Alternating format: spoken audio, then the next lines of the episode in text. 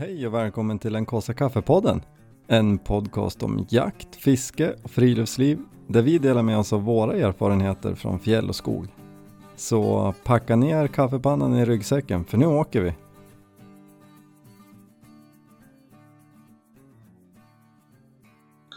Ja, men då sitter vi på Fjällsätra i Undersåker och jag har med mig Torkel och Sara och vi ska prata om Vita bandet. Så jag, och alla kanske inte har koll på vad det här är för någonting. Så jag tänker att eh, Torkel, du får börja berätta. Det finns ett grönt och ett vitt band. Ja, ja men precis. Det är ju eh, fjällfararnas vita och gröna band har vi valt att kalla det för. Då. kan ju låta lite gammalt och stelt, men det är väl också meningen att det ska vara så. Eh, då det finns en eh, ska jag säga, influenser från något som är etablerat sedan längre tillbaka och kallas för havspaddlarnas blåband. Eh, som vi då har hämtat tankar ifrån. Och eh, alltså bakgrunden till vita gröna bandet som vi säger då bara i dagligt tal.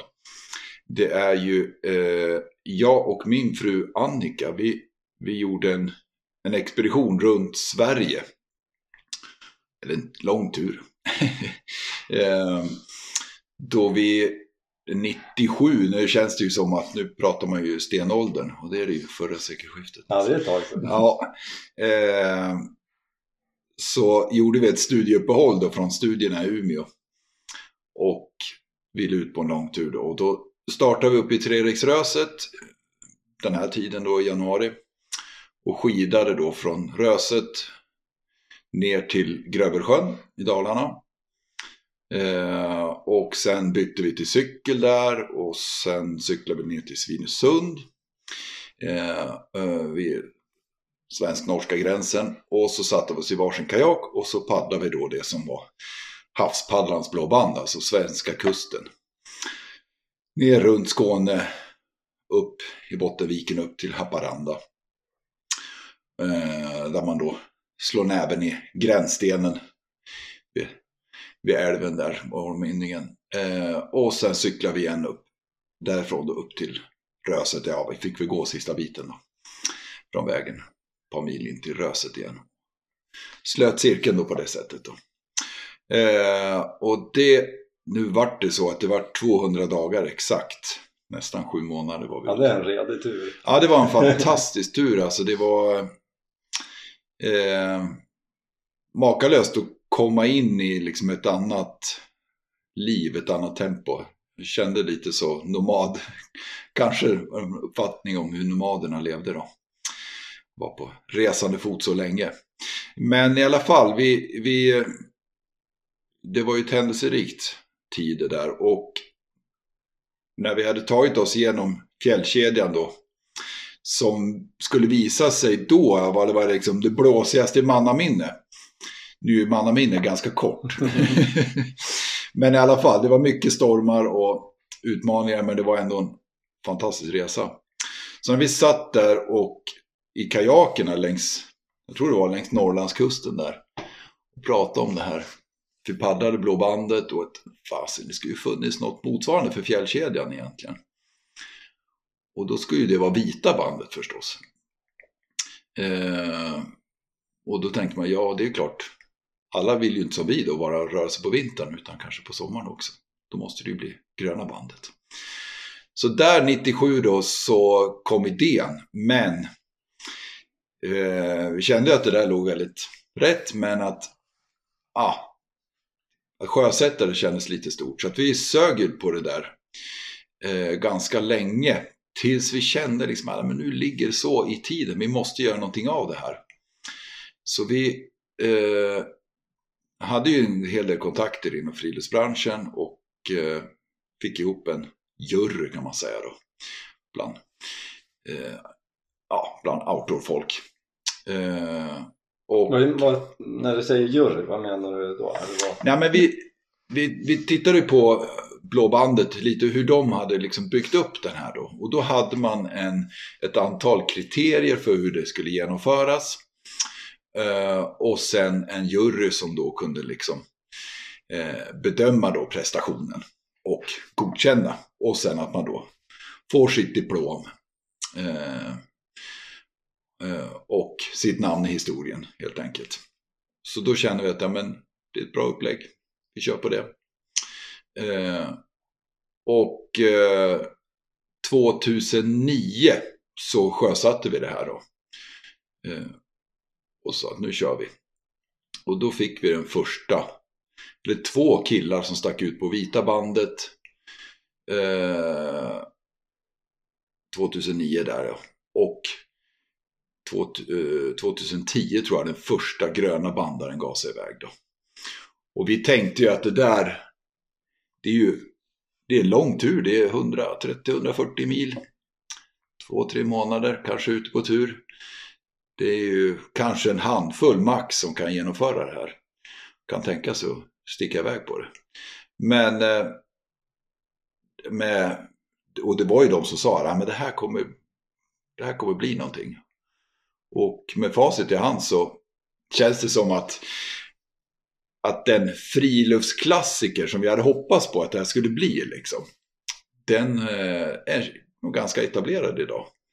Och vi, vi har nu ett jag har inte färska siffror i huvudet. Jag tror Sara är bättre på hur många vi som har genomfört nu då. Men eh, det är ett antal hundra i alla fall. Det är något, drygt 350 på gröna bandet och eh, de som är ute nu då kommer bli nummer 100 på vita bandet då. Jag tror 97 eller någonting i vita mm. bandare som har genomfört hela då. Mm. Mm. Ja, det är fantastiskt resultat kan man ju säga ändå. Ja, det är. För, för det är som sagt, man ska inte underskatta utmaningen för det, den är rejäl. Ja, men det är klart. Men det, jag, jag känner ju som du säger att det känns ju som eh, ganska cementerad. Alltså, för mig har ju så här vita och gröna bandet, det har ju legat någonstans i bakhuvudet un, under en längre tid. Mm. Så jag, jag har känt till det.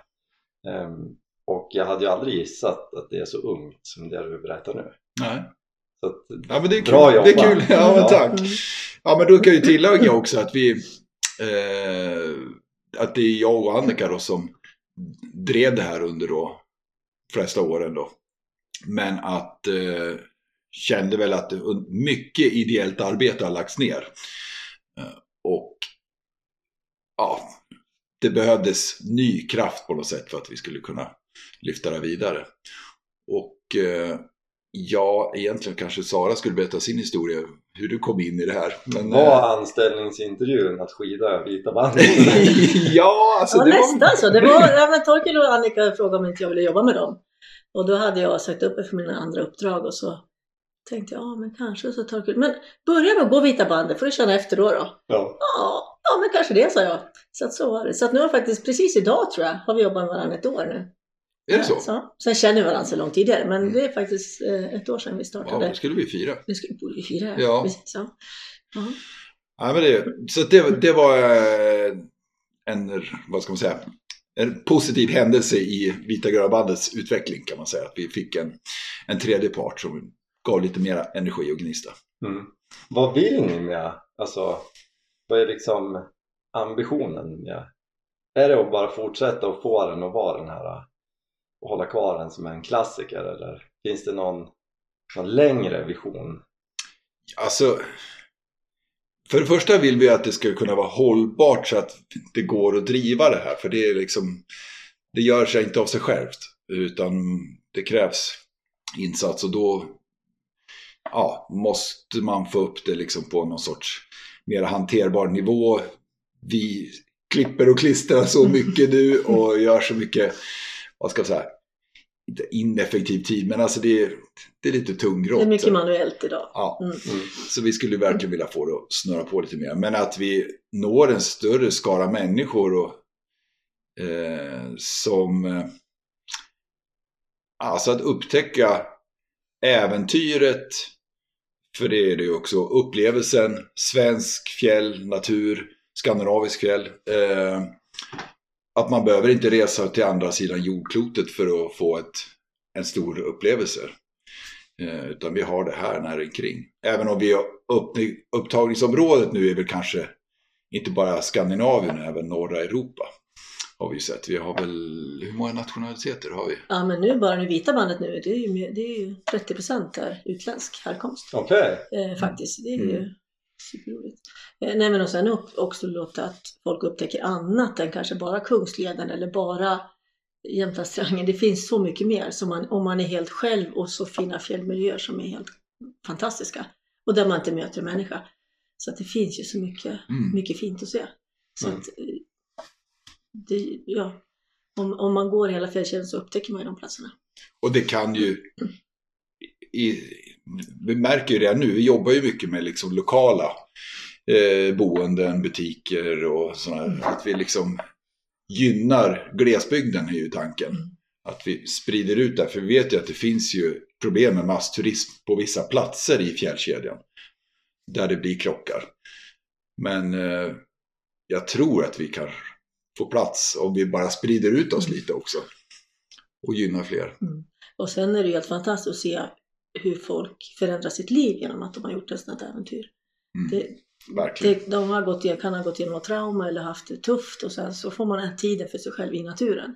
Och det räcker inte med fyra dagar, man liksom måste ju vara lite längre och det kan göra underverk. Så vi har så många exempel på människor som har ja, kommit ut på andra sidan och mår så mycket bättre. Ja, bara det är ju häftigt. Ja, och det räcker ju att vi har fått en sån som har gjort det så känns det som att då Mm. har vi ju liksom redan lyckats. Ja. Men det är så många som Det vi är får. så många, ja. Ja. Det är verkligen så. Det, Men det låter ju lite som att eh, en del i visionen är att låta folk upptäcka hela Mm. fjällkedjan. Tolkar jag det rätt?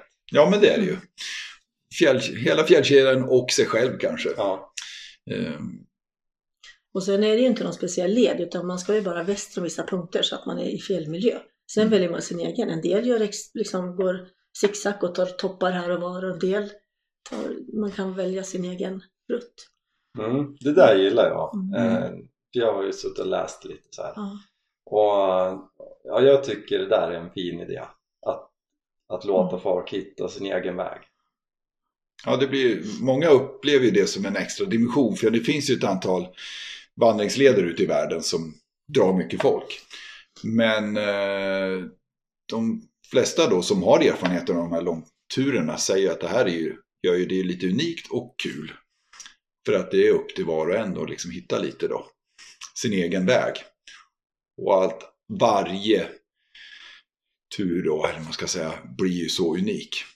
Eh, och alla har någonting att utbyta och prata om liksom och sådana här saker. Sen kan man ju då tillägga det här, men det undrar ju, men jag kan ju gå själv, varför måste jag göra det här då? Varför måste jag anmäla mig? Och eh, ja, det, fjällen är fri, det, så är det ju. Det är alltså, men man har ju upptäckt att de flesta som går, de uppskattar ju liksom att dels få det stödet som vi då erbjuder när vi, de, till de som anmäler sig. Men också liksom själva communityt då, att man ingår i det. Eh, Det betyder väldigt mycket för de flesta. Ja men det förstår jag. Som, Ja. som vi sa, det är ju en lång tur. Mm. Men jag känner ju för egen del att just det här att det är en fri, fri led. Mm. Em, Alltså gå vart du vill så länge du är i fjällen. Det, det gör ju att jag känner mig närmare till att så här, "Ja, man kanske ska göra det här. Mm. Jag är lite, lite så här, kan bli lite tjurig på väldigt specifika regler. Skulle det vara så här, du måste gå längs den här, Ja. då skulle jag nog Mm. skita i. Då skulle det inte, eller alltså jag vet inte om jag kommer göra det, men, men då skulle det vara mycket längre till att faktiskt eh, tro att, ja men kanske någon Mm. gång. Precis. Och sen är det ju, en del väljer ju att vara ute väldigt, väldigt länge och verkligen utnyttja tiden och verkligen njuta länge. Och en del vill springa eller köra skitsnabbt och det gör man ju liksom också precis som man vill. Så ja, det är det- verkligen alla Det kategorier är av verkligen människor. alla kategorier. Det är liksom ingen tävling utan man gör det på sitt eget sätt. Men sen har man ju som när jag gick 2022 då, så man hade ju en enorm gemenskap med de andra som gick. Vi hade ju kontakt och liksom vi hjälpte varandra och det kändes som man var jättetajt. Och sen när man väl träffar varandra känns det som att man har känt varandra hela livet. Ja, det är ja, häftigt. så det är verkligen häftigt. Jag tror att det ger många mycket gemenskap också. Mm. Men det vanligaste är det då att man, för, för det är mellan Grövelsjön och Treriksröset. Mm. Eller tvärtom då. Ja, det, är det som jag tänker. Vad är det Mm. vanligaste om vi, vi tänker vita bandet då? Det är Gravelsjön till Treriksröset. Mm. Gå norrut. Och det är för att följa säsongen eller?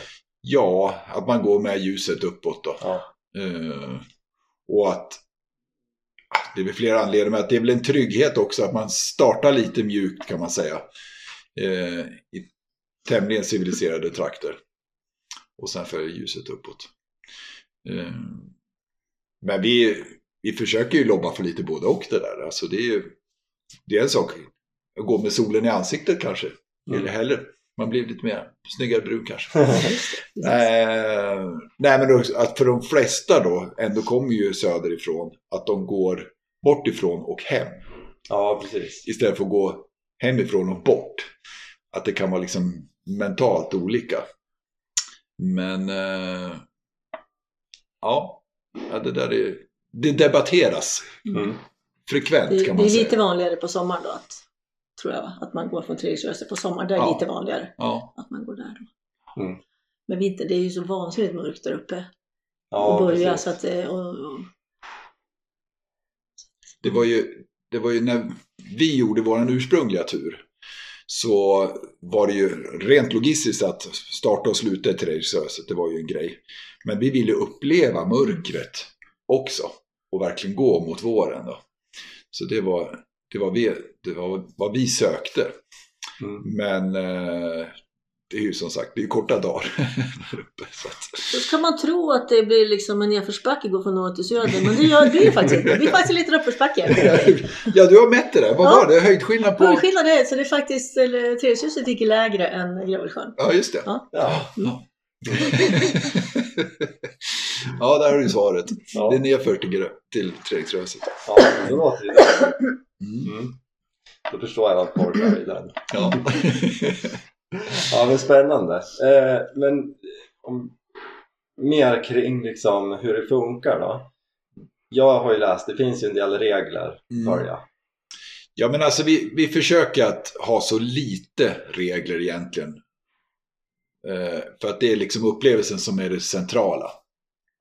Och ändå så försöker vi få det så att ja, det finns vissa gränser ändå. Så att det går att jämföra och lite sådär. Och det är väl att man eh, ska hålla sig i fjällkedjan. Vi har satt några orter, platser som man ska hålla sig väster om.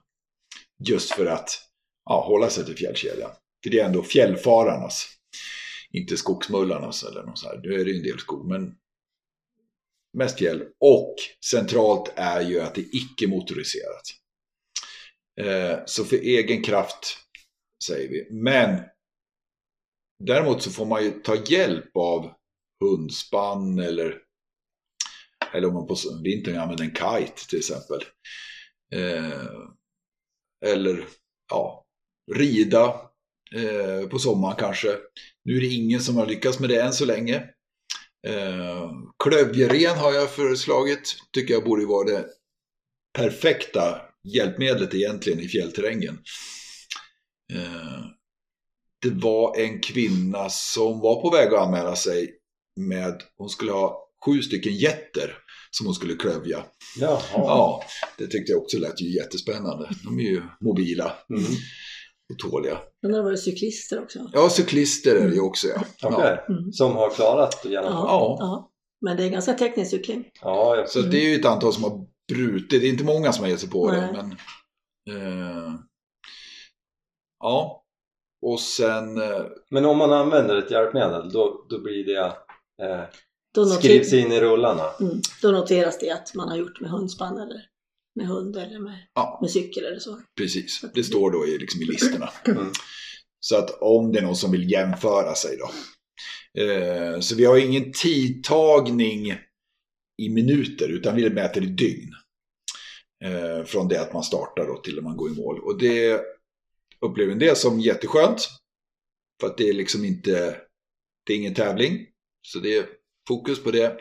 Och några som vill ta tid tycker det är provocerande. Mm. Men det finns ju andra sätt att Ja. ja, ska säga, dela de tiderna. För det är helt klart de som har startat mitt i natten 12.00, satt igång klockan och börjat gå. Eh, men eh, Ja, vad mer om reglerna? Och sen så? ja, man måste ha en nödsändare med sig då. Mm. Ja, eh, För säkerhet. det är det enda kravet på utrustning vi har. Mm. Det är att man har en satellitnödsändare. Eh, och eh, den har använts några gånger. Och då är vi ju tacksamma att det har vi haft det kravet. För att där har det inte funnits täckning på något annat sätt.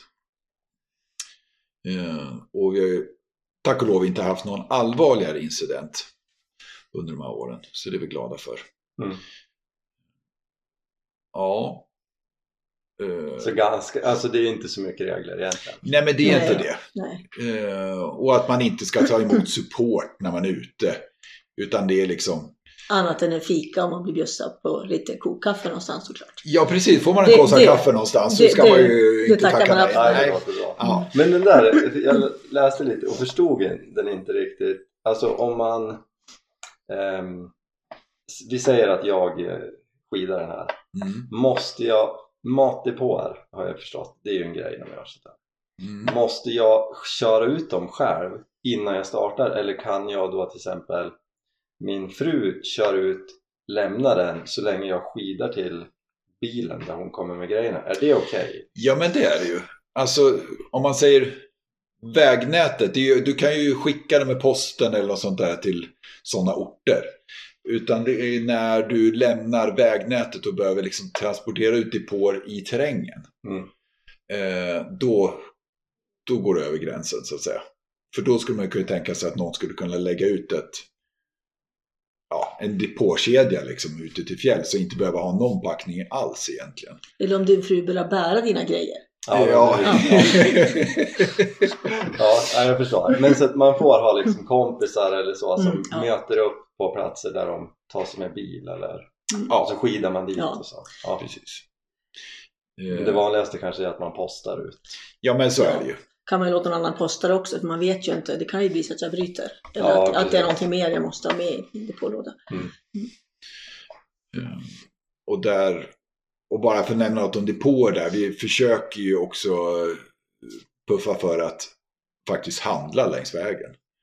Det går att längs många deletapper liksom, kan man säga ändå handla på Ja. sig det. Sen blir man ju sugen på annat än just det man har med sig ibland. så då, då är en butik i glesbygden mycket värd då. Man kan handla det man Men verkligen har ni alltså sett till att de här äh, små ICA-butikerna som finns längs äh, fjällkedjan, de, har, de bunkrar upp med frystorkat? Ja, men jag tror nog en, en del har nu Mm. börjat Ja. liksom se att eh, oj, här passerar det bandar liksom och anpassar Mm. sitt utbud. Att det finns eh, bränsle och Mm. frystorkat och lite olika sådana anpassade. Det är Så häftigt. Ja, det är faktiskt jättekul. Och eh, för nu, ja, nu känner jag att jag spinner iväg, men vi, för att lyfta de här då som finns där ute och stöttar så har vi ju, införde vi för några år sedan eh, årets fjällfararvän. Eh, för att liksom verkligen uppmärksamma de här. Trail Angels kallar man dem ju ute i världen sådär. Eh, men då har ju folk som har varit ute på turen fått nominera ett antal personer som, eller anläggningar som de vill lyfta och sen har juryn utsett då. Och förra året då vart det ju, eh, Handlaren i Valsjöbyn, lanthandeln i Valsjöbyn. Jaha, ja, just de är fantastiska. vad kul! Ja, så att det finns Så att, många eh, som ja, har full koll på när folk kommer och liksom var de är någonstans. Ja men det har jag förstått. för Jag härstammar från Orda uppe i Offerdal. ja, Ja, okej. Och eh, det är ju en gubbe i byn, Stig Nilsson. Ja, han är han- väldigt engagerad. Han har blivit, han har blivit årets fjällfararvän. Han har också Alla, alla pratar Ja. om Stig. Är, jajamän, Stig han är, var vår första. han är fantastisk. Ja, vad kul! Han är fantastisk. Ja. Ja. Nej, men det är ju, det är ju sådana som lyser upp det för bannarna Man, som man tar en liten omväg men man vill gå förbi där. Ja. Ja. ja, det blir kul att höra. ja. Ja, Ja, nej men som sagt var, de här... Men vi, ja, vi pratade om reglerna. Vad hade vi mera för regler? Ja, vi har- Ja, man ska, diplomera, ska skriva in diplomering när man går i mål då. Där man skriver hur man har gått och lite grann och så. Och för att vi ska också veta lite grann vad, som, vad de fick ut av det och lite sådär. Så Ja. att det ska de skriva i. Mm. eh, När de kommer i mål. och det görs ingen skillnad om man går ensam eller med en kompis Nej. eller? Det kan nog vara plus och minus både och. Tror jag. Mm. Mm. Ja, precis. Och hund, där tänkte jag så här. Ja, om jag, om jag skulle få för mig att skida, då vill jag ha med en hund. Eh, vi har ju finsk lapphund. Mm. De, alltså värdelösa draghundar. Tack, jag har en också, jag vet. Skulle det då eh, skrivas in som har använt draghund? Nej, det Eller? står ju med hund. Ja, men, ja. men sen är det ju det, de flesta hundar, men det kommer vara bristande skador, du får gå omvägar, Ja. du kommer få bära hunden, du måste ha med dig extra mycket, du måste ha en massa mat. Så att det är ju inte alltid lättare med hund Nej. faktiskt. Nej, det är bara att Eh, titta på tiderna. Alltså, det är, det är få som har kört med hund som har, det har, det har tidsmässigt Ja. lönat sig. Mm. Då ska man, en hundspann är ju en sak då, men Ja, annars med hund, det är, det är ganska krävande. Och det, man utsätter hunden för ganska mycket. Men det är trevligt. Väl, ja, Ja, jag, alltså- jag har ju två hundar, men de är ju absolut de är ju ännu värre draghundar. Mm. Eller alltså mindre draghund. Ja. Ehm, så att jag valde att inte ta med. Men Vad har du för hundar? Eh, Jag hade då två stubbyhound, men nu har jag köpt en husky, så nu kanske. Ja. Men, men det hade ju varit supermysigt i tältet. Mm. Men eh, allt det andra hade ju bara varit stökigt. Mm. Mm. Åh, det är inte bara att ha Nej. med sig hund. Och, Det, det går när det är fin skare och det är liksom och de mår bra och tassarna Mm. funkar men det är ganska tufft med bristande skare eller dubbelis liksom. Det är inte kul. Det är inte kul för en annan och det är verkligen inte roligt för hunden. Nej. Man får ju ha en sån som kan sätta sig upp pulkan då. Ja, det, är, är en utmaning, men det är samtidigt så där, många då som har gjort det, de lyfter ju det att de har ju delat det med en, en nära vän kan Mm. man säga. Hunden är ju väldigt speciellt. Man blir ännu tajtare Ja, efter dem. så att, eh, och våran mesta vita bandare är ju Lina Hallebratt.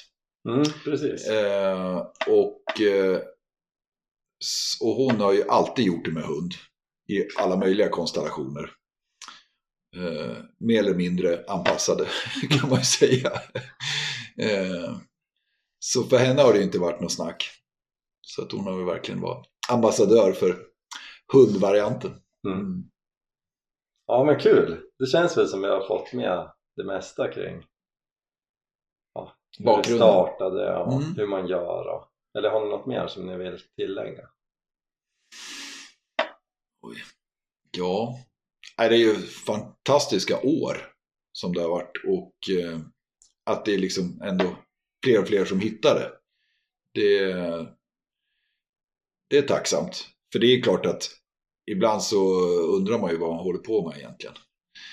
Eh, och vi kämpar med, och, med finansiering och samarbeten och vi jagar liksom och försöker Vi- utveckla. Vi vill ju att de ska få någonting, någon stöttning av oss. Så att vi, vi har ju fått till fina rabatter med bra, för bra utrustning då. Eh, Så att man kan i alla fall, det blir lite lättare. Mm. Men det som är roligt nu tycker jag, det är att så många yngre går.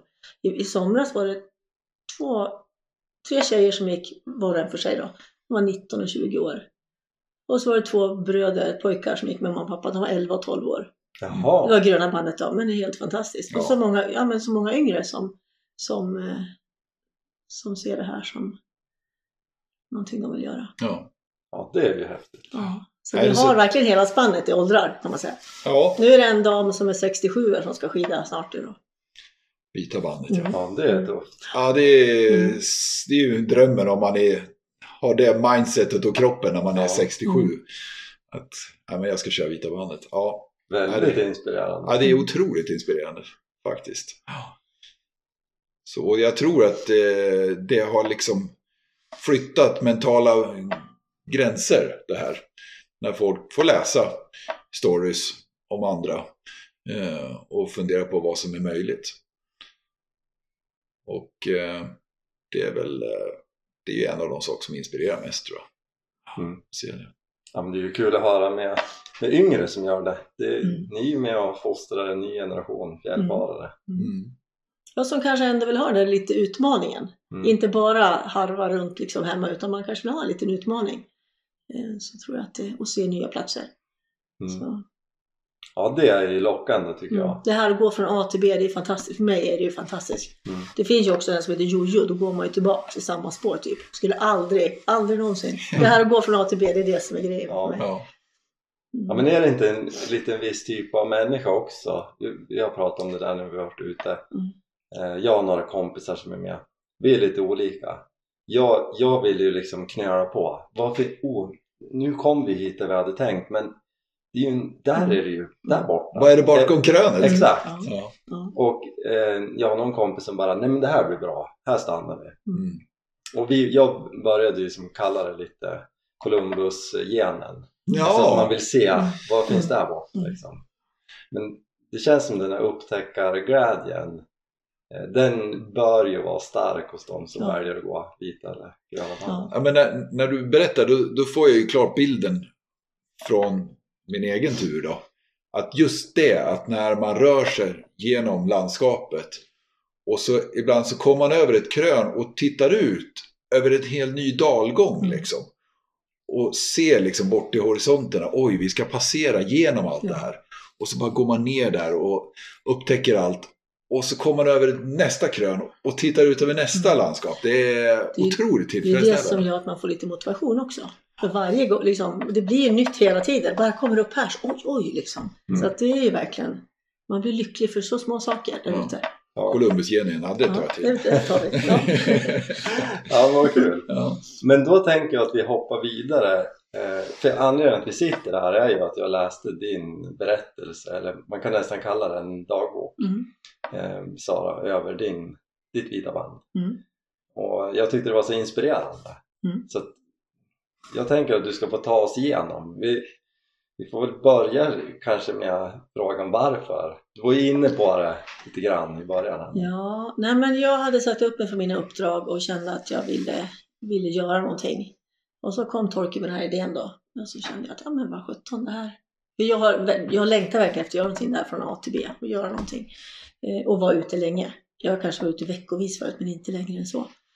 Eh, och vara ensam, det vill jag ju vara. Så att det var väl någonstans i oktober där. Eh, och så började jag gå i 10 februari. Så att jag var jättepepp hela vägen. Så oktober var liksom... Ja, då bestämde jag mig. Då Ja. bestämde jag mig. Eh, så att det var ju en liten, liten tid av ja, det som jag tycker är superkul, att sitta med kartor och, och, liksom, och, och planera och, och Excel-ark och, och, och, fixa utrustning, väga utrustning. Jag, var, jag, jag, jag, vet du vad ett kreditkort väger? Nej. Nej, fem gram. eh, nej, jag var inte nördig så, men, men jag försökte verkligen få ner vikt och planera. Sen så eh, skaffade jag en pulka och jag la i mina, mitt hemmagym, några kilo i taget och så. Så jag tränade just att dra pulka, för jag tänker det, den Mm. rörelsen kan ju annars bli lite slitsam. Eh, och så Du- torkade jag en hel del mat och frukt. Ja, ja, du gjorde sånt själv. Ja, en, ja, en del eh, gjorde jag. Jag skulle kanske efterhand torkat kanske ännu mera, men, men det gjorde jag. Och fixade lite depåer och sånt där. Så det var lite att fixa med, men det var ju det är också en jätte, det är ju en rolig del av det hela, att planera. Ja, det, det är kul Ja. att du säger, för Ja. så är jag också. Ja, Och papperskartor. ja, så, ja, verkligen. Jo, men jag hade ju med, det går ju att ha en app, men jag hade med papperskartor på alla sträckor. Mm. Ehm, Ja, men det är ju något speciellt det där när man sitter i Ja, man får lite och- annan översikt och satt man i kvällen i, tält, i tältet och liksom såg liksom helheten. Sen så är ju app är ju bra också, men eh, det vill man ha. Mm. Så du, sen sågs du då på byn dragandes eh, pulka Ja, med hantlar och... ja, precis. Jag la i grejer och ökade lite successivt så att jag eh, och gick eh, mer och mer uppför då. Jag tänker att det, men jag fick ändå ner, jag hade mindre än 30 kilo när jag startade med mat och eh, dagens vatten och mat för 5-6 dagar. Eh, så att det var ändå, jag tyckte jag klarade bra. Det var en bra balans. Mm. Eh, Det var många som hade betydligt mer, Okej. fler, mycket mer kilo. Men då, då planerade du så, så att du hade eh, mat, eh, eller möjlighet att köpa mat. Ja, precis. Eller Typ depåer då. Ja, precis. Ja, men jag hade väl med mig som mest för en vecka, åtta dagar kanske. Mm. Eh, mat och sen så hade man väl en tre kilo, tre liter vatten på morgonen då. Som man hade med sig i pulkan. Mm. Så du, när du liksom planerade allt och Mm. tränade då, ja, du, du slog fast ungefär under vikten och så Ja, och, så, ja och precis. sen la du planeringen utifrån. Ja, Ja. ja, precis. Så att jag tänkte att det ska inte bli något hinder i alla fall för mig. Att, och sen så verkligen försöka att hitta ehm, ja, ultimat, eller ha liksom en bra utrustning då såklart. Vissa saker av säkerhetsskäl. Eh, och vissa av lite viktskäl också då.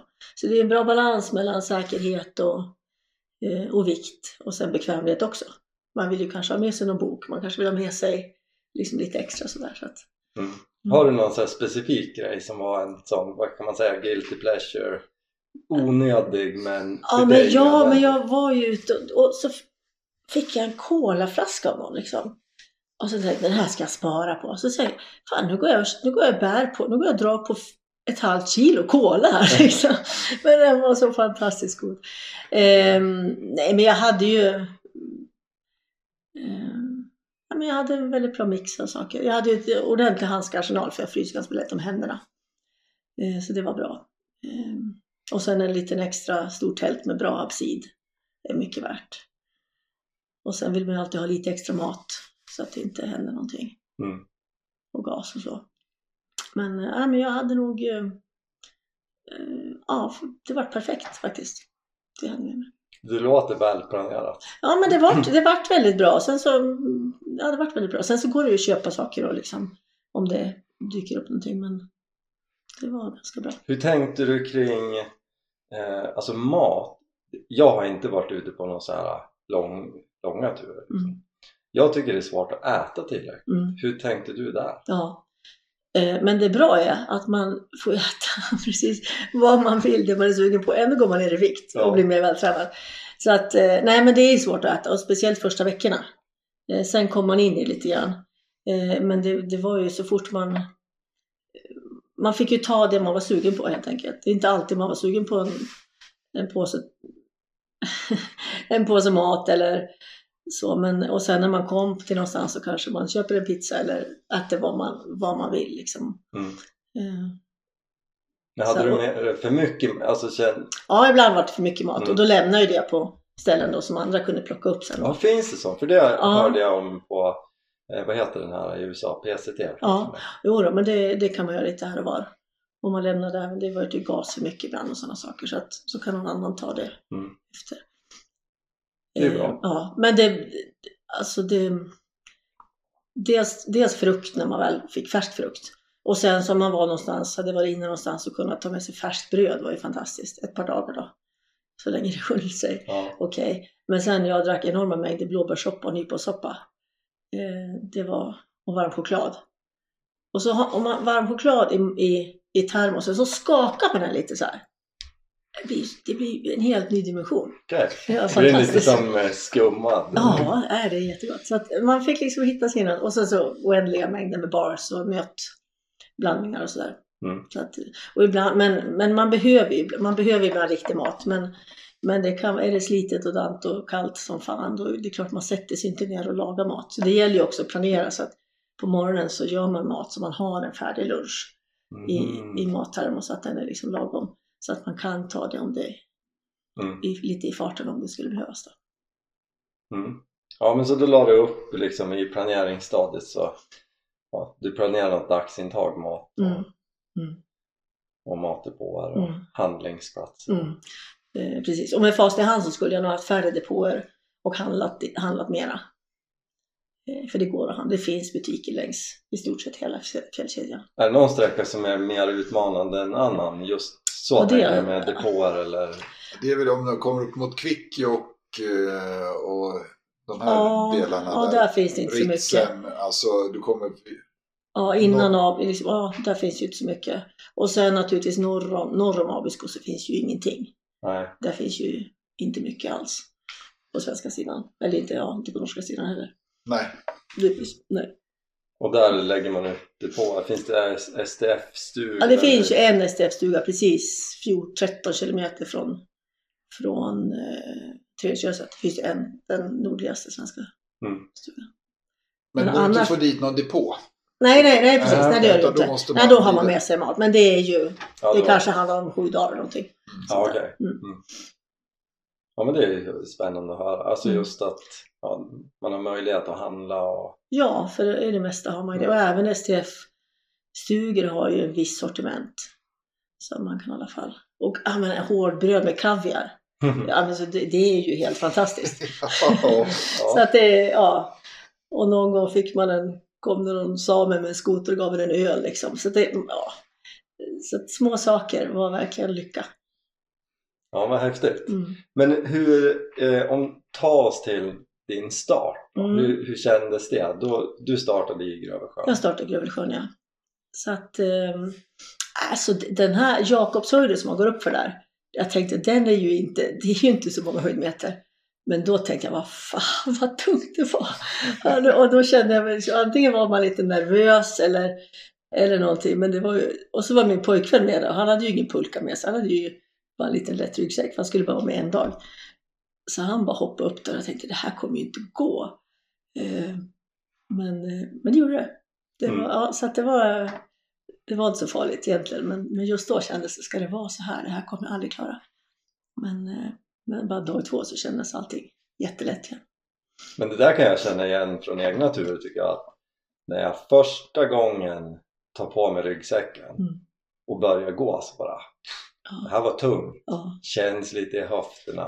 Men sen kan man knöla på. ja. Alltså, ja det det gäller blir ju. aldrig tyngre. Nej, nej, och det gäller att hitta en lagom rytm. För att det är det också, man vill ju inte bli toksvettig. Även om man har ull och så. Alltså det, man vill ju inte bli toksvettig. Så det gäller ju att hitta en lagom, en lagom tempo också som känns bekvämt. Ehm, och att stanna och andas om man behöver och liksom öppna upp lite grann. Så att man inte tok, tokgår och toksvettas. För det, Mm. det blir inte bra. Men hur långt har eh, Grövelsjön och hit, du bor i Undersåker. Ja, precis. Eh, hur långt är det då? Eh, men jag kanske höll på nio dygn någonting kanske. Någonting sånt. Känns det då lite som att du hela tiden är typ på hemmaplan? Eller? Eh, nej, ja, lite så kanske, men ändå var det ju nya platser som man inte har sett förut. Det, jag menar, trots att man är så nära hemma Mm. så är det ju ändå nya platser, nya platser i alla fall. Så att, ehm, men det är klart, det var du- lite så här, det, var, det kändes lite skönt att veta att ja, men jag kommer hem, jag kan sova hemma, jag kan byta, om det är någon utrustning som jag måste laga eller göra någonting så kan jag stanna. Men det var, det var ju ingenting. Mm. Ja, för jag tänkte vi Mm. pratade om det lite, det mentala. Ja. Då gick det ju ändå hemåt Ja, precis. första Jo. veckan. Ja, det var nog lite skönt sådär. Men sen kan det också vara så att då är det jättetufft att lämna hemma. Ja. Men det var det faktiskt inte heller. Det var skönt att fortsätta. Men vi har ju nästan sett det att de som om startar söderifrån, att de först, klarar man de första två veckorna, vi, det är inte bara första uppförsbacken, det är Mm. en metallpuckel, men om man gjort första två veckorna kanske, tre veckorna, Mm. då klarar de flesta det. Mm. Men där någonstans så har man, har, är det någonting som strular till sig, då, då kanske de bryter där. Mm. Men om man kommit över den, då har liksom kroppen anpassat sig, huvudet har Mm, anpassat sig. Och sådana saker. Mm. Och jag skulle ju starta väldigt, väldigt lugnt tänkte jag. För jag tänkte att vi ska vänja kroppen. Så att jag tänkte att eh, men det, det sket redan efter tre dagar så var jag jag skulle vara på plats på fyra dagar i Ljusdal och det tog tre dagar. Så där, och då kände jag, nej men så här ska jag inte hålla på nu, jag ska inte stressa. Så att eh, jag fick försöka. Men du har det i blodet sa Jag har det i blodet, ja det var, det var så. det Man vill pinna på. Eh, så att, eh, Ja. Men det gick bra ändå. Jag tog, jag tog en vilodag där efter tre dagar som jag i alla fall tänkte då. Efter, så att det var, så att, att det inte liksom börjar för tufft och hårt. För att kroppen måste ju liksom att gå hela dagar, det är man inte helt van vid. Så att eh, jag tror att man ska börja lite, lite coolt. Mm, Men du hade tydligt planerade etapper då? Ja, ja sen höll, jag höll dem inte riktigt och sen beroende på väder och vind så var jag ju tvungen att göra anpassningar också. Mm. Eh, Så att jag hade ju en plan men jag visste ju att, jag skulle bry, liksom att det inte skulle stämma helt. Det gjorde det inte heller men eh, Men det skulle du ändå säga är klokt att... ah, det, jag, vet, jag pratade med en tjej som ska iväg nu och hon sa ja, jag hatar att planera. Ja men gör inte det då. Ha en plan den första dagen och andra dagen och sen du behöver inte planera så mycket. Så att det beror ju på hur man Mm. tror jag. Men jag tyckte det var kul att ha en plan eh, i grunden. Och sen så, men sen behövde jag inte alls gå efter den. För det, det händer ju saker och, med både kropp och väder och, Mm. och så. Ja, för det, för eh, jag satt och pratade med mina barn i morse innan Mm. skolan. Mm. De är nio. Eh, Mm. och då sa min dotter att, men då berättade jag hur långt det är. Och. Men alltså, du måste fråga hur långt gick hon per dag? Ja, ja, nej men snittet vart, jag, tog, jag, hade, jag var ute 60 dagar. Varav, det, varav jag hade nio vilodagar. Och jag tycker det var väldigt, jag tror kroppen behöver lite återhämtning, bara vila ibland. Ehm, så att förutom det, jag jag gick väl 2,7 ja, 27 kilometer i snitt kanske. Ehm, och, och den första tre dagen kändes ju liksom tuff. Eh, Men sen kom man in i det, sen var inte det någonting. Så, att, så, att, så successivt så blir man ju mer och mer. Mm. Sen beror det helt på för när man måste spåra i liksom 30 cm ljusmö, då går det inte så fort. Du måste ju ha haft någon sån dag du inte kom långt alls. Ja, jo det var det ju också, absolut. Och sen var det ju dagar som man bara flög fram på skaren. Mm. Så, att, så att det, går- det går ju inte heller liksom eh, att säga exakt. Men det, det beror ju mycket på både väder och, och före. Mm. Och eh, upp och ner. Ja, men det är klart. Mm. Men då hade du, vad sa du, nio dagar innan du kom till undersökning. Ja. Och sen eh, sov en natt hemma. Mm. Ingenting behövde bytas eller lagas. Nej, faktiskt ingenting. Det låter också väldigt välplanerat. Ja, det, men men jag, jag tror, jag hade faktiskt ingenting gick sönder. Jag har fortfarande mitt underställ för Woolpower. Liksom som jag hade då i, i 60 dygn. Varje dag. Mm. Det syns knappt att det är liksom, nej det var... Eh, jag tappade en handske, jag tappade en vattenflaska. Det var väl ungefär det som jag tappade bort. Och sen råkade jag sönder min sovsäck. Ja, det läste jag. Ja, ja, det var ju inte bra. Nej. En sovsäck är, en sovsäck är ganska, ganska viktigt att ha. Faktiskt. Ja, men hur gick det till? Det vill jag nästan inte berätta. Nej, jag skulle bara, jag, jag satt och lagade mat på hemsidan då. Eh, och så skulle jag bara, så jag, jag tror jag råkade spilla lite grann av frukosten, så skulle jag bara jättesnabbt bara ta in, och dels få lite värme och sen liksom bara så ta in ta, Brännare? ta, ta in brännaren i tältet bara så. Och så bara gick det en tiondel sekund så bara tjopp så liksom fick det fart på dunet i sovsäcken. Ah, för fan! Och, det, och sen det var dunet bara flög i hela tältet. Och, och så var det ju, det var ju för kallt och, blå, eller ka- kallt och fuktigt liksom för att jag, jag, jag hade ju med mig lagningsgrejer. Mm. Men det satt inte. Ehm, så att jag var ju tvungen att liksom... Men alltså, det började brinna så du var tvungen att klappa nej, ut nej, den? det, det brinner ju inte så. Nej. Det är liksom, eller det, Det bara smälter. det Ja. bara smälter liksom. Men det gick ju ganska fort. Det var ju en rejält hål. Ja. Ehm, så att jag, kunde, jag fick ju försöka packa ner där lite fint sen då. Sen så var jag tvungen att komma in någonstans och, i värmen sen och laga det. Och det gick ju faktiskt. Mm. Men, men alltså jag har ju tänkt det, vad fasen, tänk om tältet liksom, allting bara. Så nej, det, så det var inte bra. Så ska man inte göra helt enkelt.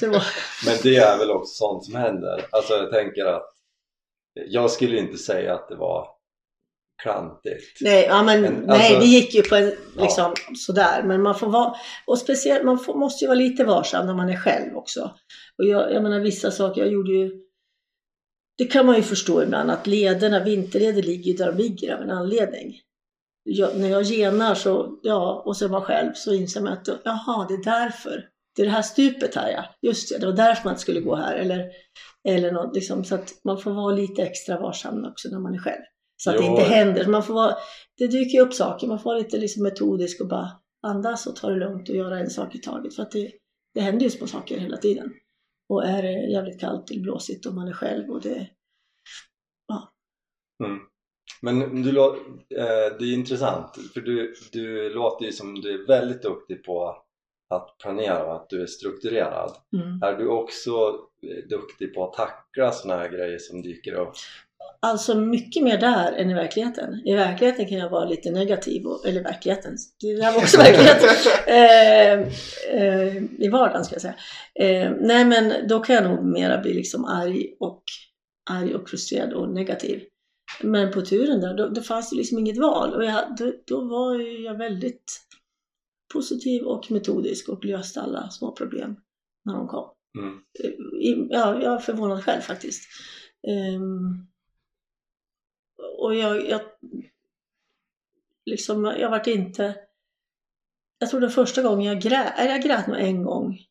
Men sen den andra gången jag grät, det var när min pojkvän kom, sista dagen var han med mig. Ja, Då grät jag och svor jag, för då hade jag liksom någon och, ja. som lyssnade på mig. Så att eh, jag tror för min del har det varit bra att gå själv. Mm. Mm. Man, kan, man klarar så mycket mer än man tror när man är själv. Ja, ja, det är spännande. Mm. Eh, Det, det kommer in på nästa grej jag skriver Mm. ner. Det är Mm. just det här med ensamhet. Mm. Och ni pratar ju om det båda två, att en del liksom eh, övervinner saker när de gör den här turen. Och det här med att vara bara med sig själv, det, det kan ju föra med sig mycket positivt men jag tänker att det måste ju också vara ganska jobbigt, åtminstone i början, Mm. eller hur? Hur, hur tacklade du det? Eller var det ingen big deal för dig? Eller? Eh, Jag tyckte nog att det var ganska, men jag var ju också beredd att, det kanske, för det kan ju när man har den här tiden själv och tänka, det kan ju dyka upp saker i skallen som, som kanske blir jobbiga. Eh, det tror jag händer för vissa, att man kommer i en jobbig period liksom, men jag, jag tycker inte att det var något sånt, så att jag, jag trivdes nog väldigt bra. Då, och dessutom vart ju mötena med människor så mycket mera värda. Det var helt fantastiskt vad fantastiska människor är. Och man tog sig tid och allt. Ja men det var jättefina möten istället. För det, det var ju, man gick, ja det var ju, man mötte ju människor med några dagars mellanrum i alla fall. Um, även om det bara var en. Mm. Så var det liksom, det var... Och jag läste att du fick kaffe i botten. Ja, jag, jag hade hört talas om dem. En, en, ett, par, ett syskonpar som bor där. Och så då, det var min första, tror jag. Ja, det var en lång, lång jäkla dag. Så hade jag hört att de brukar bjuda på kaffe. Och så gick jag nej, det är nog ingen här. Så jag gick förbi där, så hade jag kanske 200 meter. Och så hör jag, vill du ha kaffe? Jag bara yes!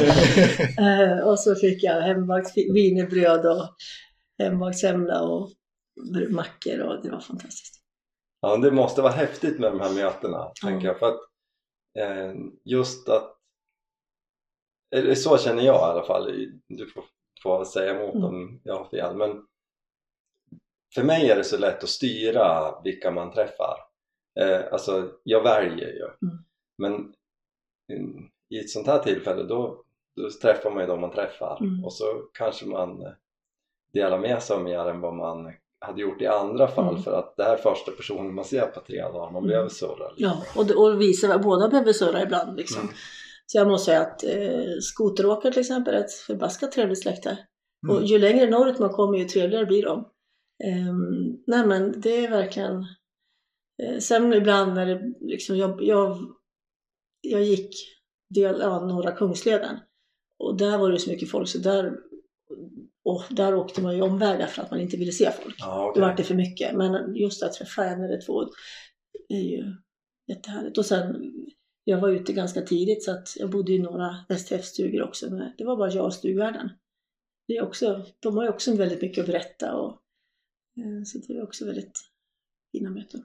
Mm. Har du något specifikt möte som du värdesätter eller kommer ihåg väldigt Mm. mycket? Eller?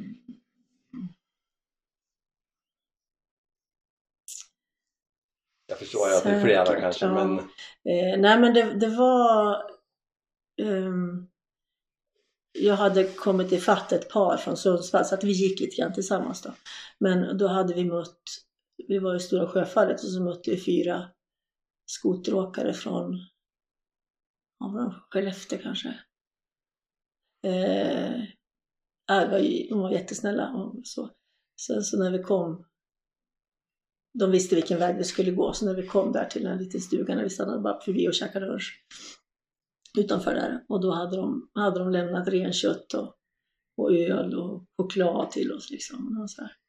Bara de, tog, de tog den omvägen och lämnade det till oss för att vi skulle bli glada. Liksom vad härligt! Eh, Mm. Nej men sen var det uppe i just, jag hade en väldigt tuff, den sista veckan var tuffast för mig. Från Abisko upp till Fredriksjöset. Det var, det var, det var storm och det var kallt och det var jävligt. Jag hade trott att april, när, nu får jag äntligen liksom njuta i solgropen, det, så var det inte. Eh, så kom jag till Rostojaure. Så kom det en liten, en liten same där och gav, han hade lite kvar av sin sin köttsoppa med massa fettklumpar i. Jag skulle aldrig äta den annars. men, men jag fick den av honom och det var så, och så, och så en kopp kaffe. Det var så gott. Han var så, ja det var fint. Vad fint! Ja, verkligen. Det var, Ja, men det är ju en mentalitet som, är- som eh, finns mera norrut. Just det där att man, är man ute, ja men då delar man liksom på något Ja. sätt. ja, Eh, och vi som gjorde våran fjällkedjan som var en del av våran Sverige runt kan man säga. Eh, träffar mycket fantastiska människor men just det här längs fjällkedjan och folk i bygderna det är mm. otrolig generositet. ja verkligen. Ja. Ja, verkligen. Och många är nyfikna också. Många följer oss. Liksom. Man kan se på nätet då, vad folk är och sådär.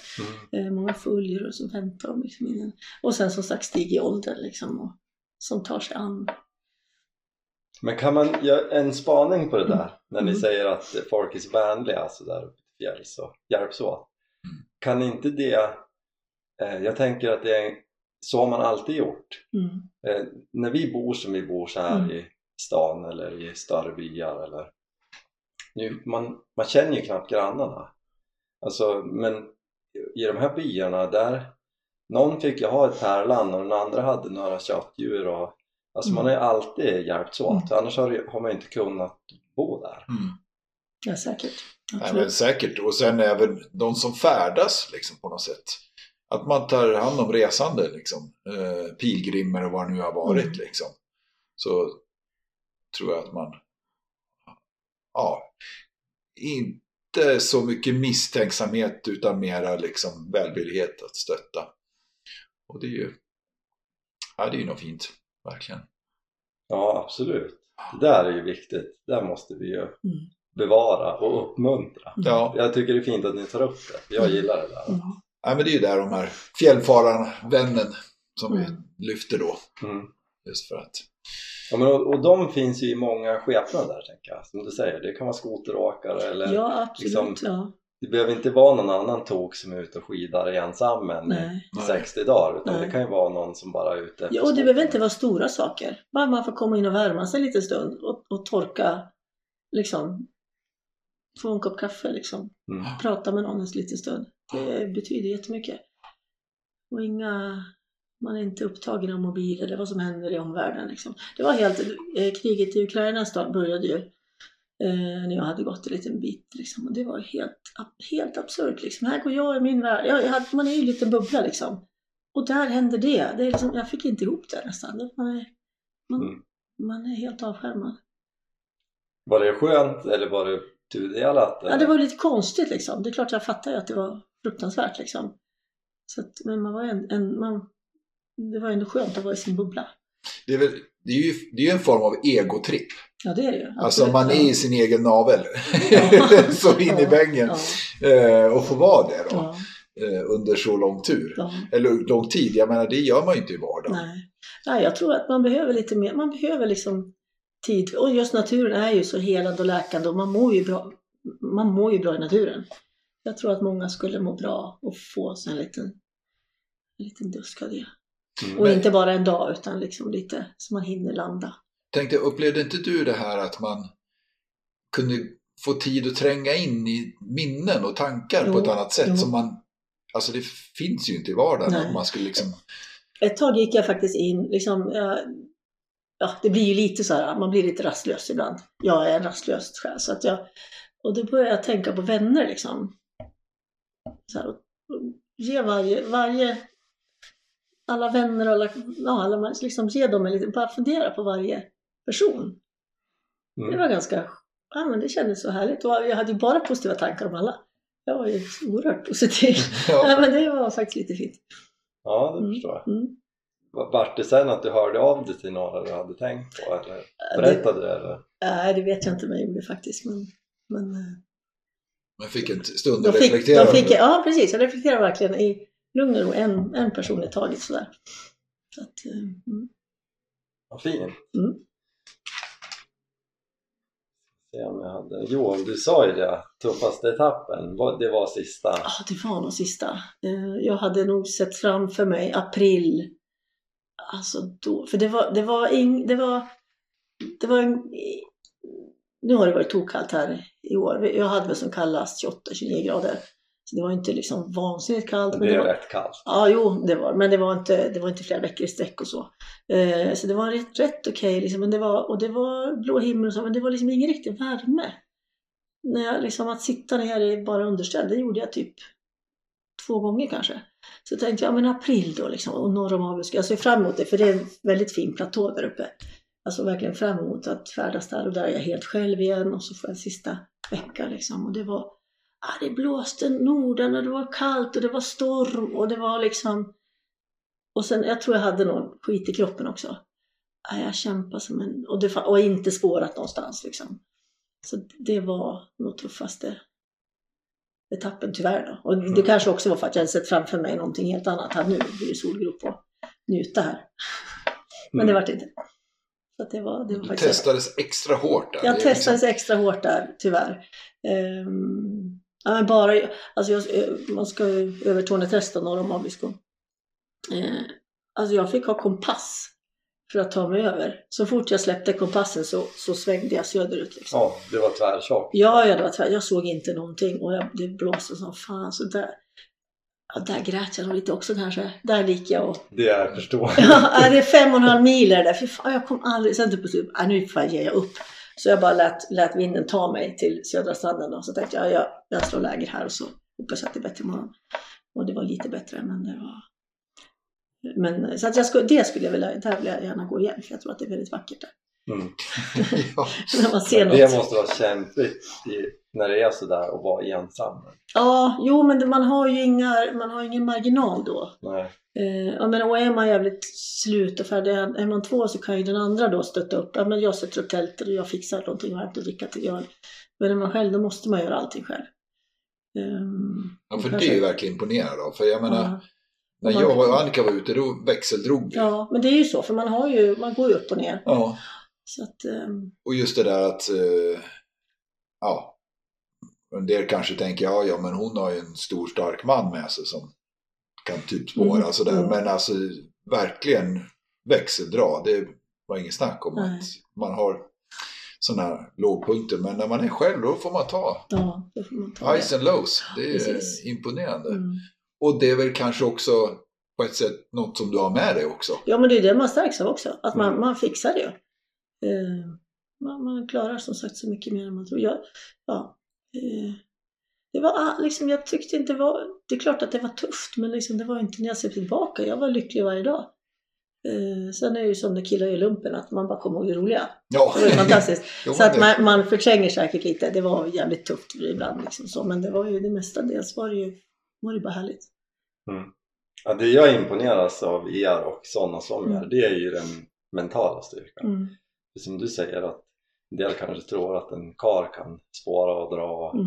Alltså, jag tror inte att det sitter så mycket. Alltså det är klart Mm. att man måste ha en, en hygglig fysik Ja. för att göra en sån här grej.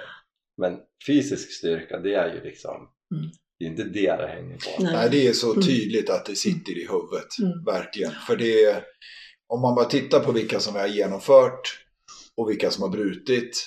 Alltså det är, man kan inte säga att det sitter i musklerna. Alltså. Nej. Nej. Det är, Det kan snarare vara, vara så att man kanske går på, om man, tror, om man är jävligt vältränad så kanske man går på för hårt. mm. Och då ska, får man, skaffar man skador eller, liksom, eller någonting annat. Så att, Eller mentalt tänker jag att jag trodde det skulle vara lättare ja. eftersom jag är så vältränad. ja, ja, precis. Ja, det också. Så att man ska ha respekt med sig, absolut. Och ta det liksom, men, men man får känna sin takt och sin... sin eh, och man blir, ju, man blir ju starkare varje dag. Eh, Det är häftigt ändå. För Mm. jag, jag tänker ju att det måste vara lätt att man bryter ner sig lite. Mm. Det, du hade ju inte så många vilodagar. Liksom. Nej, fast jag hade typ en... Eh, vad blir det? Ja, var sjunde dag, en, en i veckan ungefär. Mm. Ehm, då jag verkligen vilade liksom. Och jag, jag är så rastlös i vanliga fall så jag kan inte vila. Men då var det jätteskönt. Jag kunde bara ligga och läsa bok och bara göra ingenting. Sen var jag tvungen att fixa lite och tvätta lite och, och handla lite och sådär. Men det var, det var... Så jag tror att man behöver den här totala liksom, Mm. vilan. Och unna, jag tycker också kontrasterna, liksom att, jag menar, det var ju oerhört många nätter i tält. Som var fantastiskt. Men sen nästa dag kanske man bor på pensionat och får en trerättersmiddag och sover i varm, sköna lakan. Så att jag ser inget, liksom för mig var det delar av upplevelsen. Att, och sen vill man ju bara ut igen i sitt tält när Mm. man var inne. Men att kontrasterna var ju också fantastiska. För man kan unna sig också. Man måste inte liksom kämpa, kämpa, kämpa, kämpa. Det är liksom... Hade, eh, la du oftast vilodagarna i någon stuga eller? Ja, jag, ja, jag, jag hade in, ja, det, jag var väl instängd i tältet några timmar kanske, men jag hade ingen, jag, annars var jag inte inblåsen och sådär, så jag tog ingen vila i tältet, utan då var jag ju någonstans inne. Där jag också kunde tvätta lite och, och sådär, och äta upp mig. Det låter som en bra... Ja, men Bra. faktiskt, och det finns ju så mysiga ställen längs vägen också.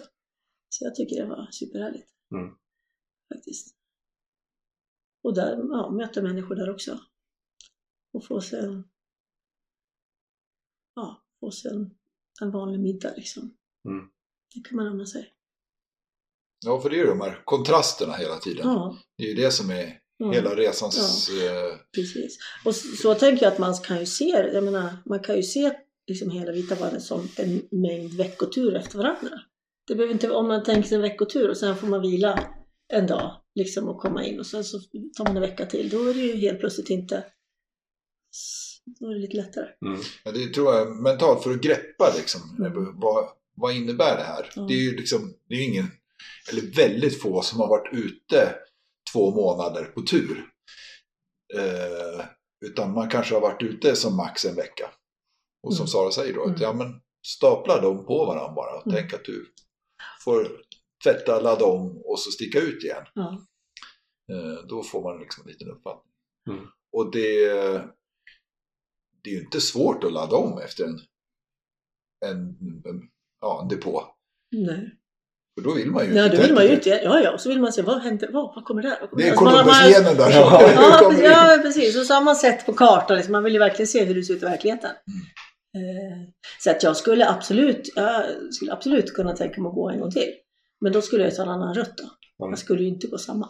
Har du några, det låter ju som att du kanske har funderat på det. Har du några fjäll som du skulle Ja, men jag skulle vilja gå Padjelanta. Eh, Jag skulle, den här gången valde för vädret var så så jag kom inte, jag gick inte, jag gick ja, jag skulle gå längre västerut på några ställen liksom. Ehm, Sen tyckte jag Hotagsfjällen var helt fantastiskt. Norra Jämtland så är inte, det finns inte mycket där, det var supervackert. Det skulle, där, Mm. men jag- det finns det är ju ganska stort som man kan ju gå. Ehm, Ja, jag har ju tittat på hur folk brukar gå. Ja, Det, det verkar inte gå så mycket spår förbi Mjölkvattnet, Burvattnet, alltså nu är vi i ja, ja, Eh, jag förstår, det blir en himla krok ja. och kanske lite onödigt jobbigt. Ja. och de flesta samlas ju där i, i Valsjöbyn och sen så samlas man igen. Det- Gäddede är ju sån där punkt där de flesta kommer till. Så där har jag faktiskt satt ut en gästbok i Gäddede också så man får liksom, Mm, får man lite, kul. Ja. Men där, är ju, där ser vi att en del har ju en tidsbegränsning då de kan vara ute. Så att, eh, att de förstås vara ute. Och en, och en del har ju lite bråttom. Men en, det är några som verkligen, ja men deras mål är att vara ute, punkt. Och knickla på hitta lite nya sträckningar. Så, här. så att, eh, jag säger inte att det ena är rätt och det andra är fel, men eh, eh, det är lite spännande med de som finner nya vägar lite och så. Och just Mm. för att målet är ju att vara ute och uppleva, inte att ha gjort Vita bandet. Bara, för då har man det som mål, då tror jag man får det jättejobbigt. Mm. Men sen måste man ha det som mål och vara ganska inställd på det att jag, jag ska ta mig upp dit. När man börjar tveka och tvivla och liksom, aj vad jobbigt här. Och då hittar man, man måste nog ändå vara ganska bestämd att jag ska nå upp dit. Sen Ja. kan det hända saker som gör att man inte fixar det. Men man måste, för börjar man att vackla i tanken, då hittar man nog många ursäkter Mm. att man inte ska vidare liksom. Om det börjar Ja, bli för tufft. Så man måste nog ändå ha det i tanken att jag, jag ska dit upp. Eh, Men att liksom njuta på vägen också. Mm. Mm. Och sen förstår man ju, det är klart att det finns en utmaningar med tiden. Alltså så när, när jag började prata med min fru om det här, att så här, Mm. det vore häftigt att göra någon gång. Men ja, men det fattar jag att eh, det kanske får bli om fem år för att Mm. barnen är ju nio liksom. Mm. Det, det är ju lång tid att vara borta från Mm. jobb eller Mm. från familj. Eller, Ja, man måste ju ha någon hemma som stöttar upp Ja. lite grann. Så är det ju. att, och där är vi inne lite på det ni sa också, att det är väldigt egoistiskt Ja. att, att göra turen. Men, men eh, ja, det, Men man kommer ju tillbaka som en lite bättre människa. Ja, det låter det Ja, som. så att, Ja, och inspirerar. ja. mm. Kanske sina barn då också. Ja, men Mm. precis. Jo, jag har sagt till ungarna när, när vi har suttit och kollat på Äventyrsjäntor och på NRK att eh, om ni väljer att hålla på med sånt här då stöttar jag er med skidor, turskidor och, och pulkar resten av livet. Mm. Det är bra. Känns som ett bra mål. Ja, och det, det kan jag känna igen. Skidkontot är ganska rymligt, Ja. men eh, ja, andra grejer kanske var svårare. Ja. Ja. Nej, men tänk, och också bara nämna det här med, eh, som nu du, du Sara, du gick ju ja, valde ju att gå själv då. Eh, Jag säger inte ensam utan själv. Mm. Eh, alternativt att gå som par. Eller som med kompisar. Att det finns ju verkligen för och nackdelar med båda då. Eh, att utmaningen när man går själv det är ju att man är själv då med sina ups and downs och sina tankar men att man också har möjlighet att kanske verkligen ta den här tiden och gräva lite. Eh, och när man är två så kan man stötta varandra. Men det är ju, som jag brukar säga, det är ingen så här laga äktenskapet-tur. Om någon tänker det. Eh, utan, eh, men att, ja, som par, att man går iväg, det är, ja, funkar det så funkar det ju jäkligt bra. Så då har man ju någonting otroligt med sig i bagaget. Och likadant om man går med en vän, att man har någon att dela det här med. Du, just nu, du, du har ju inte så många att dela just den här Som, tanken. men fa- du, som fattar. Vad man, ja, som fattar. som Ja. fattar det. Ja, utan det är ju andra bandare som Mm. man kan bolla med Mm. då. Ja, det är jobbigt. Mm. Ja men det är lite tråkigt såklart, liksom, att man inte riktigt förstår Mm. kanske. Men, eh, men jag är ändå väldigt glad, jag är väldigt glad att jag gjorde det själv. Mm. Eh, och som du säger, man ska nog verkligen klick, funka liksom. Sen, kom, sen har man ju sagt sina små duster ute men, men Jo, konstigt vore det väl annars. ja. Nej men det är ju lätt också som tjej, om jag gick med min pojkvän, det är liksom, ja men då skulle jag förlita mig till honom ibland när det var liksom tuffa grejer liksom. Per automatik och det kunde jag inte göra. Ja, men det är verkligen, för vi, vi har haft, mm, inte många, men några som har valt att gå skilda vägar. Alltså som, Mm. eh, eh, inte par tror jag, men däremot som kompisar och bekanta, liksom lite sådär. Eh, som har valt att sära på sig. Det var, det var en kille och tjej, de var inte ett par men de gick tillsammans för att och det slutade med att hon tog tältet och han fortsatte utan tält. Ja. Och typ sista veckan bara grävde över vacker. Oj. Inget jag rekommenderar. Nej men sen är det ju många, jag menar, eh, jag gick ju men liksom man, man när det, man är några på tur liksom så, så kanske man går med varandra och andra vita bandare några dagar men det är helt otvunget. Rätt för det så bara, även nu går piper jag vidare. Så att det var ganska skönt. Liksom Mm. att man fick lite sällskap ibland av någon men det var helt, helt liksom otvunget bara. Så det var ganska skönt. Det tror jag de flesta gör lite, kan göra lite grann om de vill. Ja, häftigt. Rejäl tur. Mm, men en otroligt vacker. Vi, vi har en fantastisk fjällkedja liksom. Ju- och ändå ganska liksom snäll. Eh, på pappret i alla fall. Ja men det är, ju, det är ju så att när man är där ute, vi trycker ju verkligen på det att det liksom, man måste ha den här marginalerna, förbereda sig för det värsta och hoppas på det bästa. Eh, och att fjällräddningen kan inte nå en under vilka förhållanden som helst, så är det ju. Så man måste ju kunna vara Mm. self-sufficient, så är det ju bara. Men det finns ändå en backup. Det går att bli nådd. Det är liksom... Eh, det finns ändå en viss grundtrygghet liksom. Eh, som är ju en, en fantastisk kombination som vi har. Då. Och sen finns ju oftast liksom, man kan komma ner under trädgränsen på de flesta platser också. Och hitta skydd. Eh, det är så.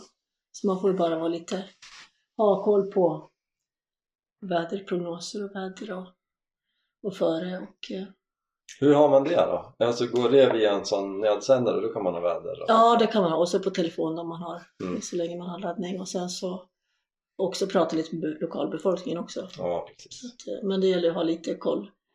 Är det, är det risk så får man ju kanske, och speciellt om man är själv, kanske jag får välja rutt efter det. Mm. Eller stanna in en liten stund till. Eh, Men sen, går, sen ändrar, det vet man ju, i fjällvärlden så ändras saker fort i alla fall. Så att det, det jag dök på, något som inte jag var beredd på några gånger liksom. Det, så att man ska inte lita på det helt.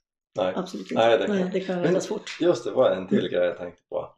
Ställer man en klocka på morgonen, går upp, Nej. eller Nej. följer man det? Jag gjorde inte det. Jag följde och jag, jag är morgonpigg i vanliga fall. Så att Eh, och sen märkte man att den liksom, stunden det tar att göra sig i ordning, det gick ju fortare och fortare. Eh, nej, jag ställde ingen klocka utan jag... Sen blir det ju så när det, speciellt i februari, där det är ganska mörka kvällar, man, det är inte så att man man har inte, så, himla- har inte så mycket att göra där. Eh, och det är ganska jobbigt, man gräver ut det precis, man kan ju sitta där men liksom till slut vill man ju lägga sig för att det är skönast och då somnar man ju till slut och så. Så att jag, ja, det ångrar jag att jag inte, alltså, alltså inte ett enda norrsken. För att jag var så trött så att liksom gå ut där och börja sträcka sig ut och titta, det, eller gå ut, det orkar jag inte göra. Så att jag missade varenda norrsken för att jag sov. Så. Men jag vaknade kanske vid sex varje Mm. morgon. Ja, du har det i det. Vi, Ja. vi ställde klockan. Gjorde det? Ja, det gjorde vi. Ja, okej. Ja, det, Det har jag väl minnas just för att få rutin. ja, jag hade... När man är nerburrad i allt dun där så. Ja. Ja. Nej, alltså, och det, mm, man kan se på klockan jag sov ju oerhört. Så fort man var man sov mycket bättre ute. Sen när man var inne så sov man lite sämre. Så man var ute så sov man bättre. Så att eh, man sov ju skönt. Mm. Så man blir ju utvilad efter de här x antal timmar.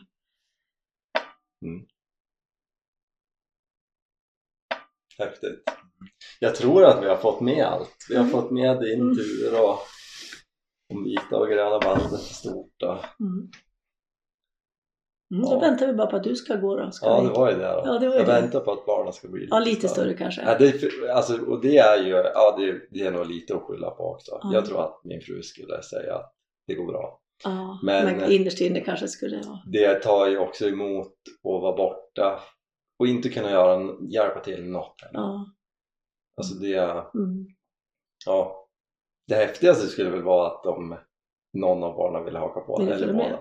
Mm. Eller så här, haka på Mm. halva. En bit, ja precis. Ja.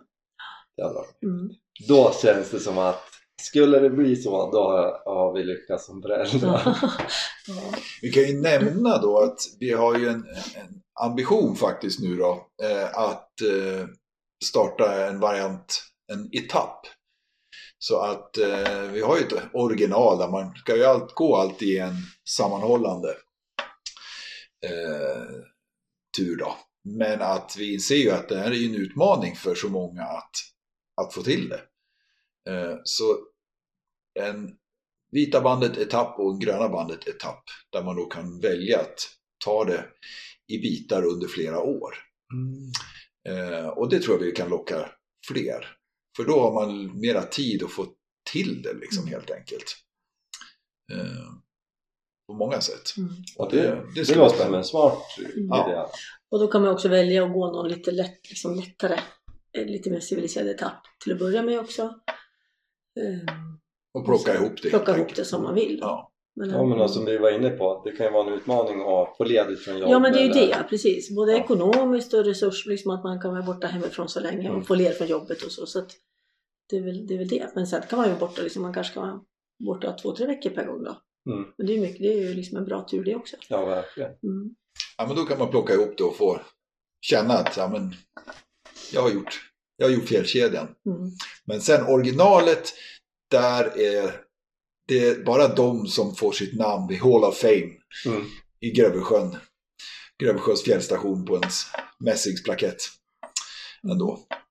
Så att eh, vi särskiljer lite där då. Ja men det är klart. Ja. Det är klart. Ja vad spännande. Vad, vad har ni för, har ni någon tur inplanerad framöver? Vi börjar med dig Tork. Eh, ja, inte, jag ska väl ut med lite elever faktiskt eh, från lokala vildmarksutbildningen här då. Eh, det är väl det närmaste en bivacktur. Men sen ska vi försöka ut någonting. Men det, är, det blir dåligt med de här långturerna nu Ja måste men jag det säga. gör det. Jag vill, alltså det där är en bevakttur låter ju spännande. Ja. Ska ni då? Eh, vad har vi bestämt? Jag tror att vi någonstans i kring här i Åredalstrakten. Det blir inte något långt utan Mm. det är mycket för att prova på. Bivack är ju härligt. Ja men det, det ska bli kul. Varmt gott. Ja men precis, det är lite kämp. Men alltså när man väl får till det då kan man ju verkligen fila till det som man vill. Ja. Och få eh, komfortabelt både temperaturmässigt och, och bädden och allting. Så har man något att göra på kvällen. Mm. Alltså Ja. det är fortfarande blir mörkt ganska tidigt. Mm. Men när man kommer fram då, Mm. då är det bara att gräva. Ingen Netflix utan bara gräva. Bara. Det är bra. Ja. Mm. Ja, vad kul. Du då Sara, har du Nej, men jag tänkte, jag låg och tänkte det på häromnatten när jag inte kunde sova, att jag ska gå, tänkte jag skulle åka upp och ta Padjelantaleden och gå upp från Kvikkjokk upp till Ritsem och sen så, ja, och sen så ta mig tillbaks ner till Kvikkjokk, för det är så stökigt med lokaltransport. Mm. Så komma tillbaks till Kvikkjokk också. Eh, så det är min plan. Runda Sarek. Ja, runda. Det är ganska långt. Mm. Sarek runt. Ja, ja. Så ja. Sarek runt blir det. Ja. Precis. Jag kanske gör någon avstickare in i Sarek också, det får vi Ja. se. Eh, det var en plan. Mm. Nu i före eller efter påsk. Häftigt. Mm. Mm. Själv då? Eh, jag, jag har en jakttur planerad om några veckor. Eh, och då är planen att vara ute fem nätter. Jag hoppas Mm. på hyggligt väder. Mm. Så att jag ska vara ute några nätter själv och så kommer någon kompis med. Mm. några. Det blir kul. Jag hade faktiskt tänkt att göra en A till B-tur Mm. bara för att eh, tvingas vara ute de där nätterna. Mm. Mm. För annars har det varit lite så här, ja, jag tänkte tre nätter, det blev två för att det var superblåsigt. Ja. Eller, Mm. ja. Men nu blir det inte så ändå eftersom jag har någon som ansluter någon dag in. liksom. Mm. Så att jag ska försöka göra någon rolig rutt av det men ändå kunna skida tillbaks och hämta upp Mm. sällskap. Mm. Just Vi får se, men det blir kul. Så just nu håller jag bara på att hoppas på att eh, vi, vi har finsk lapphund som vi har tagit valpar på i höst. Mm. Så nu har vi två då. Mamman och eh, en tik Mm. eh, åt henne. Men eh, hon har ju tappat i all päls, tiken. Ja. Så att hon har ju inte kunnat varit ute i princip okej, nu när det har varit kallt. Mm. Så att, men nu börjar det liksom komma tillbaka så Mm. jag hoppas kunna ha med henne. Mm. Jag tycker det är så mysigt att Mm. vara- ja, ha med henne som sällskap. Jag var ute och åkte längd nu innan med min husky. Åh fasen vad fort det går! Ja. ja, de har ju lite annan steg. Men eh, så jag håller på att trappa upp liksom några kilometer här och var nu så att nästa vinter då, Ja. då kan vi åka långt. Mm. Ja, jag har ju tänkt att jag skulle göra en revansch på Vita bandet faktiskt. Men, eh, och jag har tänkt ta med våran lapphund, men jag är lite tveksam om man fixar det faktiskt. Mm. Att han eh, är lite kortbent känns det som när det är djupt. Men de är tuff ändå. Jag har alltid med våran när jag jagar toppfågel. Ja, Mm. Alltså hon, hon sviker aldrig. Hon. Men hon, man ser ju, jag ser ju på henne när hon blir trött. Hon är ju ganska smart. Eh, att, ja, då inser hon ju att det går inte att hålla på och veva omkring och Mm. då går hon ju bakom mig. Men hon har aldrig kurkat Mm. och det har varit ganska tuffa affärer. Mm. Okej. Men, eh, men man får ju ha lite smartknep. Jag har alltid med en liten polygrip. Eh, Jag tapp, hon tappar ju jämt om jag har socka på henne. Mm. Men, och så fastnar det ju snö i pälsen mellan tårna. Ja. Och då är det ju så krångligt att få bort det där. Men med en liten polygrip då kan du klämma sönder de små Mm. kokorna. Jaha. För det är det som stör henne mest. Ja, ja, men det fastnar ju kockor över hela pälsen. Ja, han har ju Ja. lite, just vissa, visst, Visst, då, ja. då klabbar det på som fan. Ja. Men eh, just de här i, i tassarna verkar, de har ju så mycket päls, Ja, lapphundarna. Vi brukar klippa det också. Ja, det gör vi också, Ja. men ändå så Ja. bygger det upp. Eh, så att, ja. Ja, jag, tror, och sen, jag tror det kan vara tufft eh, på sommaren, gå gröna bandet också med hund. För det, Ja. det, blir, det blir dock en del asfalt. Och det kan ju vara jättetufft för hunden också. Liksom. Ja, verkligen. Och sen en del tuffa vad liksom. Ja, Mm, Det, det är där är ju bara- finsk lapphund bra för de är ju så pass lätt så man kan ja de kan man bara lyfta upp ja. Ja. Mm. Jag har faktiskt skidat någon jaktdag med henne på axlarna. Hon, Ja, det var okej. lite, lite vasst före så att Ja, hon ja. skar sig i någon tass. okej, ja, du kunde göra så ja. Men vi jagade på, hon åkte på vad axlarna resten av dagen. Jaså? Ja. Ja men, ja, men så Lina hon har väl någon hund, hund som brukar, det är ganska liten då. Så den kör ju på och springer ju så skitlångt men sen sätter den sig på pulkan när den är nöjd liksom. Det är ju det, det är ju jättebra, då Ja. vet man ju att ja, men då, Ja. då kör den så länge den orkar. Så, så, Ja. så att, eh, ja. Men vad väger din då? Är den Ja. under 15 kilo eller? Nej men det är väl där någonstans. någonstans. Jo, jag tror det. Ja, den väger nog 16. Vår- Våran husky, hon är bara åtta månader, väger 27. Ja. Hon är ju en jätte. Och de tar man inte skidor runt med Nej, precis. Så, ja. Ja, nej, men vad härligt hörni. Ja, vad kul. Eh. När, sen, när gör du det? Sen, när kan man lyssna på det då? Det här kan man lyssna på eh, ganska snart. Ja. Ja. Ja, det kan väl hojta då. Nej, men jag tänker att, vi, att jag lägger ut det på... Vi släpper ett eget nu på torsdag Ja. och sen så är det jaktavsnitt och därpå, som två och en halv vecka. För vi, det är klart, vi kommer ju dela det då. Ja, det I får vi. Ja, ja. medier. Mm. Vi kanske kunde ta en bild på oss tre kanske? Mm. Det kommer jag. Ja. Jag tog inte med någon kamera. Nej, jag men man kanske bara kan ta en bild. Ja. Eller hur? Vi tar en selfie. Men vi en måste knyta ihop säcken bara. Ja, okej. Ja. ja. Eh, så vill jag bara säga tack så mycket. Det här var ju jätteroligt att träffas verkligen. Mm, Och detsamma. det är så häftigt att höra. Vi ser fram emot de fem år då du ska gå då. Ja, Mm. jag med. Ja, Skräckblandad förtjusning. ja. ja, men det ska ju vara lite så. Ja. Det... Men, eh, det ja, men jag tänker att, alltså det, och det är ju lite roligt med mitt jobb, att jag får möta personer som inspirerar och eh, eh, för mig blir det lite push att göra egna saker. Mm. på ett positivt sätt. Mm. Alltså jag, ja, så därför tycker jag det är så roligt att träffa sådana som jag och Mm. höra historierna. Och det, är så, det är så mycket mer än den här prestationen. Mm. Alltså, det är allt annat runt Mm. som jag, som jag tycker är spännande. Mm. Så att, ja, ja, stort tack för att ni vill vara med och kul att träffas. Mm. Tack detsamma. Tack själv. Mm. Så hoppas jag att vi kanske stöter på varandra på fjäll någon gör Ja, men det gör vi nog. Ja. Då, då bjuder vi på en kåsa kaffe. Ja. Ja, men det, ja, det väl, måste väl vara jag som gör det. är det så? Ja, men tusen tusen tack. Ja, Tack snälla. ha det bra.